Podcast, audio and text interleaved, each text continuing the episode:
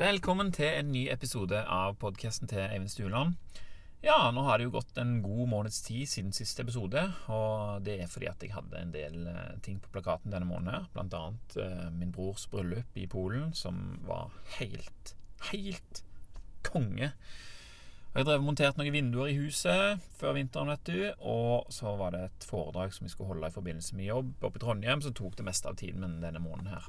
Men nå åh, Vet du hva? Nå er de tingene over, og da er det plutselig ledig kapasitet igjen, og det er herlig. For jeg liker veldig godt å skrive podkast-episoder og, og lese det igjen, se for meg liksom hvordan jeg kan forklare et eller annet, eller uh, noe sånt. Og noe av det beste av å gjøre nettopp det, det er at jeg har gjort det. Sant? Når jeg er ferdig, så har jeg gjort det. Da produseres en veldig god følelse i både kropp og sinn. Når jeg er ferdig med å skrive episoden, og jeg er ferdig med å lese den inn, da kommer den gode følelsen der. Og når jeg da etterpå har lagt den ut på internettet, da er jeg ofte helt ferdig med å tenke over den episoden. Da er liksom den, da er liksom den over. Eh, og hvis det en gang ny og ne kommer noen og spør om eh, en episode som jeg har lagd, sånn, så er det ofte litt vanskelig å ta igjen hvilken det var, eller hva jeg sa i den episoden. For jeg er jo ferdig med den og tenker ikke på den lenger. Eh, det har kommet så mange tanker etterpå som har fått mer oppmerksomhet. Sant? For det jeg skriver om, det tenker jeg veldig mye på fram til jeg er ferdig. Og etterpå så kommer det andre ting å skrive om som jeg da tenker mer på enn det jeg tenkte på før. Noen ting husker jeg jo så klart. Det er jo ikke, det er jo ikke svart-hvitt, dette her. Og ofte så kommer jeg jo på ting etterpå som jeg skulle likt å hatt med i den episoden som allerede er ute. Sant? Noe som forklarte et poeng enda bedre. Uh, men uansett, da, så dette her med å lage podkast-episoder, det er jo absolutt, noe, absolutt ikke noe som jeg liksom Jeg trenger jo ikke å gjøre dette her. Uh, jeg bare liker å gjøre det. Det er derfor jeg gjør det. Uh, og jeg liker den følelsen uh, Jeg liker den utfordringen. Men hvorfor liker jeg den utfordringen? Er det bare denne her ene litt vanskelige å beskrive følelsen jeg får når jeg er ferdig? Egentlig så tror jeg faktisk det. Altså Det er i alle fall den eneste merkbare, umiddelbare gevinsten da som jeg får ut av det. Og Grunnen til at jeg kom til å tenke på dette her nå, det er noe som en annen foredragsholder på den konferansen jeg deltok på, snakka om. Han er advokat og, og snakker om dette her med utfordringer. Og så nevnte han at når unge og lovende advokater kommer på kontoret hans for å søke etter jobb, så sier de ting som at 'Jeg elsker utfordringer!' og, og sånne ting. sant? Og så sier han advokaten da 'Hva er det de egentlig elsker med at det som skjer, er det stikk motsatte av det de forventer skal skje?' Sant? Han likte jo ikke utfordringer. Uh, ifølge det han sa, iallfall på foredraget. Og nå skal det jo være sagt at dette her er Geir Lippestad, og at han fikk slengt i fanget en av de største utfordringene en kan tenke seg å få slengt i fanget som en advokat. Og med spørsmålet om da han ville ta denne her utfordringen. sant? Og sånt sett så kan ikke jeg si at uh, Kan ikke jeg si noe om utfordringer, fordi jeg har aldri opplevd noe som i det hele tatt når det opp til anklene, det som han har opplevd. Men det var en stor utfordring, sant? men vi blir jo utfordra alle på våre egne måter i større eller mindre grad hver eneste dag. Noen utfordringer, utfordringer er vi jo bare nødt for å takle, sant? mens andre utfordringer velger vi å ta imot. Liker vi det? Og hvis vi sier vi liker det, er det sant, eller sier vi det for, liksom, for, at, for å virke som noe mer enn vi er, eller for for, for å få en jobb, f.eks., sånn så, uh, han insinuerte at disse her uh, unge aspirantadvokatene uh, eh, sa i jobbintervju og sånt. da Så jeg tenkte mye på dette med utfordringer etter det jeg hørte Geir Lippestad sa om dette. For jeg er en person som tenker at eh, ja, jeg, jeg, liker utfordringer. Litt, i hvert fall. Og nå måtte jeg tenke ut hvorfor det var sånn. Hvorfor liker jeg utfordringer? Og hvis jeg ikke finner et godt svar på det, ja, da må jeg jo faktisk innse at jeg ikke liker utfordringer. Hmm, sant? Dette, dette var litt, det var en utfordring i seg sjøl å finne ut om dette her. Så det som skjedde etterpå, da altså Noen av disse foredragene på denne konferansen De var ikke like spennende som Geir Lippestad sitt. Eh, det kan jeg bare si. En timeslang gjennomgang av en eller annen lovendring, f.eks. Det blir litt drøyt. En litt for drøy utfordring. Og da var jeg veldig glad for at jeg hadde med meg en notatbok. For i løpet av det foredraget Det var jo selvfølgelig ikke sånn optimalt for hun som holdt foredraget, da, så at folk holder på med andre ting, det hadde jeg ikke likt når jeg holdt mitt foredrag heller. Men det var bare Jeg hadde ikke så mye med meg å gjøre, følte jeg. Uansett, i løpet av det foredraget så hadde jeg kommet ganske bra i, i gang jeg, med en julegaveliste, og jeg hadde skrevet ei bra liste over ting som jeg skulle liksom gjøre med camperen i løpet av vinteren, og ting jeg skulle bestille, og noen prosjekter jeg skulle prioritere i friperiodene mine fram eh, eh, for resten av året, rett og slett. Og i løpet av den lista der så fant jeg ut at ja, jeg har jo en ledig dag som jeg kan bruke til noe fornuftig når jeg kommer hjem fra denne konferansen, en fredag. Og denne fredagen her, da ville jeg fylle alt søppel som var lagra rundt omkring i huset og på tomta, opp i pickupen, levere det på tippen, som det heter i Sauda, altså Bossplassen, og så etterpå skulle jeg levere pickupen på verksted. Dette var fredag.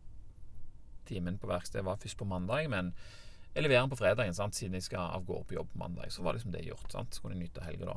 Og etterpå så skulle jeg sykle hjem og gjøre et par andre små ting hjemme. Og når jeg var ferdig med det, så ville jeg være fornøyd med dagen. Og det skulle jeg feire med å sove eller meditere en god times tid.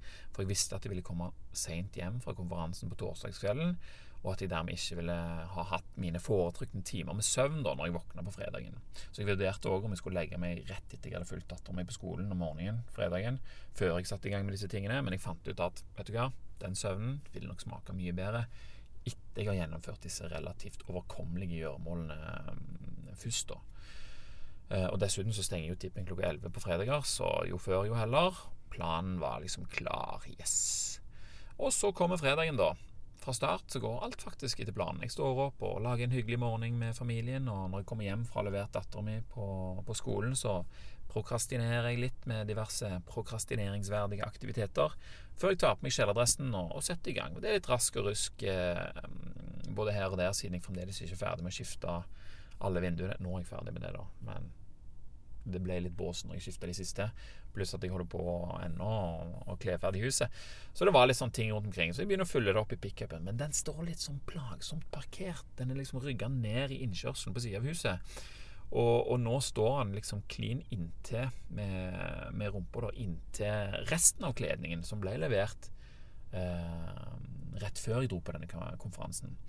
Og det var litt vanskelig å få fulgt opp de siste tingene, så jeg tenkte at ah, nå skal jeg kjøre bilen litt fram for at det skal bli lettere å få de siste tingene på plass, og at de bedre skulle få liksom utnytta kapasiteten på lasteplanen. At jeg skulle liksom få det Få litt fint oppi der, og vært lett, lett å stoppe og sånt. Og ja, du ser sikkert for deg. Og det første tegnet da til at denne dagen her ikke kommer til å gå like knirkefritt som det var å skrive lista om det jeg hadde lyst til å gjøre, det kom i det jeg vrir om nøkkelen. Sant? Vrir om, ikke en lyd. Bilen vil ikke starte, ikke engang skinne. Og det betyr jo bare én ting, det. Det kom ikke nok strøm til starteren. Noe som jeg husker at jeg tenkte at kunne skje idet jeg parkerte bilen sånn. Er det lurt å sette den sånn?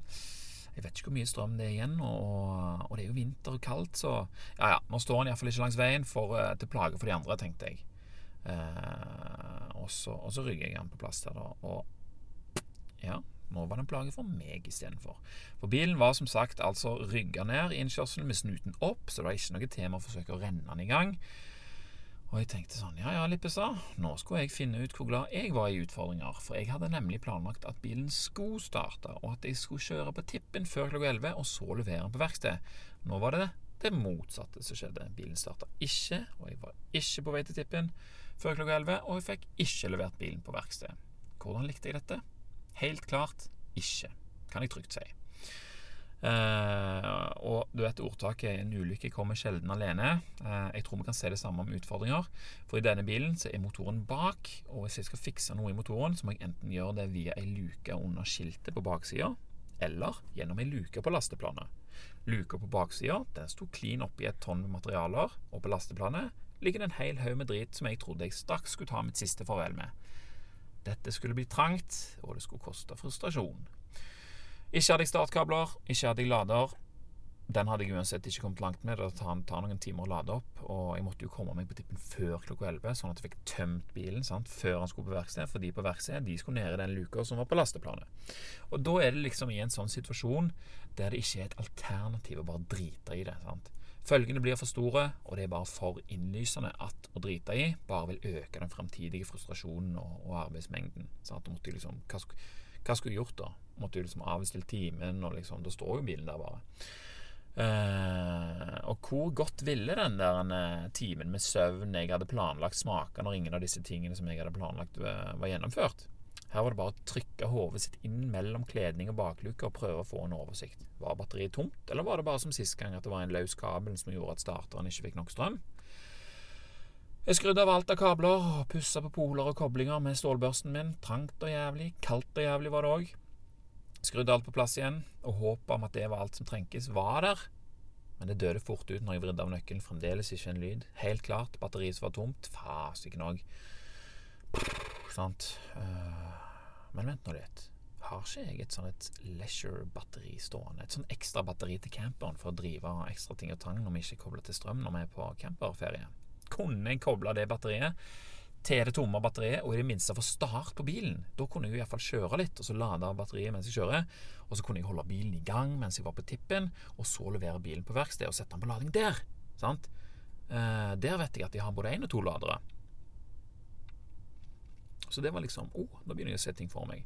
Så etter en hel del styr da, med kabler som var for korte, og noe som ikke passa, som gjorde seg vanskelige, så forsvant det òg som et alternativ. Men jeg var i gang med en prosess der jeg kunne bytte dette batteriet. her, Sette det inn istedenfor det gamle. Ta ut det tomme og sette inn leisure-batteriet. Ok, det kunne jeg. det var noe så inn i helsike trangt og vrient å få ut det gamle batteriet, og enda var det å få inn det nye. Og heller ikke, heller ikke det gikk knirkefritt. Et par gamle skruer fra bilens fødselsår, 1991, de knakk. sant vel? Og det var ikke så lett å finne noen erstatning for de, og etter å lete i den eska som jeg har, da, som inneholder et sted mellom 2600 og 3487 forskjellige skruer, så fant jeg noen som dugde. Og det var jo greit. Og når de var på plass, så fant jeg ut at dette batteriet det er høyere enn det forrige. Og det betyr kablene som skal skrus på polene, de var nå for korte. Hele tiden så tenkte jeg på Lippestad som står der på scenen, eh, og ikke forstår hvorfor folk sier de elsker utfordringer. Skulle han i dag få rett? På magisk vis så klarte jeg å få vikla til kablene så de ble lange nok, og jeg fikk festa batteriet der det skulle.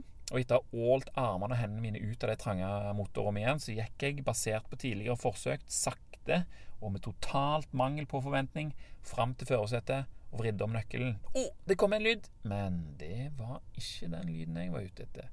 Nå var det lyden av starteren som ikke fikk svingt igjen motoren. Sånn jævlig irriterende lyd òg på toppen av det hele. Jeg bare For jeg husker jeg, Og så kom jeg på Jeg husker en gang jeg hadde kjørt en gammel Toyota Hiace langt til fjells for å hente noen sauer. Og jeg skal si deg en ting, Det er et under at den bilen gikk. Den så ut som om han lengta etter å bli til spiker. Og noen ganger så nekta den bilen òg å starte. Akkurat som en pensjonist som ble tvunget tilbake på jobb. Sant? Ikke interessert. Uh, og når den bilen ikke starta, så var veiledningen fra bonden, sier han ja, da bare slår du her med en skiftenøkkel eller en stein eller noe sånt, og så prøver du igjen. Jeg ble nødt til å prøve å slå med, med mye forskjellig og mange forskjellige steder mens, eh, mens jeg var langt til fjells der, men det gikk til slutt. Kunne denne erfaringen gjøre noe for meg i dag? Hmm. Fant en skiftenøkkel, slo litt på starteren, gikk tilbake igjen, sakte og forventningsløst fram og vrei nøkkelen om for n-te gang denne morgenen. Vrum, sa det. Ja da! Klokka var blitt 10.38, og jeg hadde akkurat nok tid til å dra innom posten og hente en del som verkstedet skulle ha. Og så rakk jeg akkurat opp til tippen og tømte bilen før klokka ble 11. Kjørte bilen bort på verkstedet, satte meg på sykkelen som jeg hadde med meg, sykla hjem med det største smilet som fantes i Sauda denne, denne fredagen. Og nå skjønte jeg hvorfor jeg likte, likte utfordringer. Haha, Lippestad! En av definisjonene som finnes på lykke, sier at lykke oppnås ved å fjerne ubehageligheter. Og sånn kan vi gjerne tenke om utfordringer òg. Det smaker så utrolig godt å bli kvitt de, eller ha løst de, eller hva nå enn vi gjør for at de forsvinner. Spesielt siden det ofte innebærer at vi har gjort noe for å komme gjennom de. Litt sånn som det å lage en podkast-episode. Jobber vi oss gjennom det som er vanskelig, ja, da syns jeg vi fortjener å ha det bra etterpå. Ha det bra etterpå. Og jeg som hadde tenkt at i utgangspunktet skulle bli digg å slenge meg under dyna og ta en hvil etter endt planlagt innsats denne dagen, kunne nå nyte den enda All frustrasjonen jeg hadde vært igjennom, var fullstendig glemt, og jeg var glad for at jeg hadde opplevd det jeg hadde opplevd denne dagen. Og det er gjerne noe som du òg kan tenke om på neste gang du havner i en upassende situasjon. Du kommer jo ut av den til slutt. Uh, og det er jo disse utfordringene vi vokser på. De er med på å lage motsetninger i livene våre. Hvordan skal vi ellers vite hva som er digg, og hva som suger? Og det var det jeg hadde tenkt å si om den saken. Utfordring, altså. Prøv å nyte litt, og ikke se på dem som noe som er altfor vanskelig. Takk for nå. Takk for meg, og takk til deg som hørte på. Vi snakkes neste gang.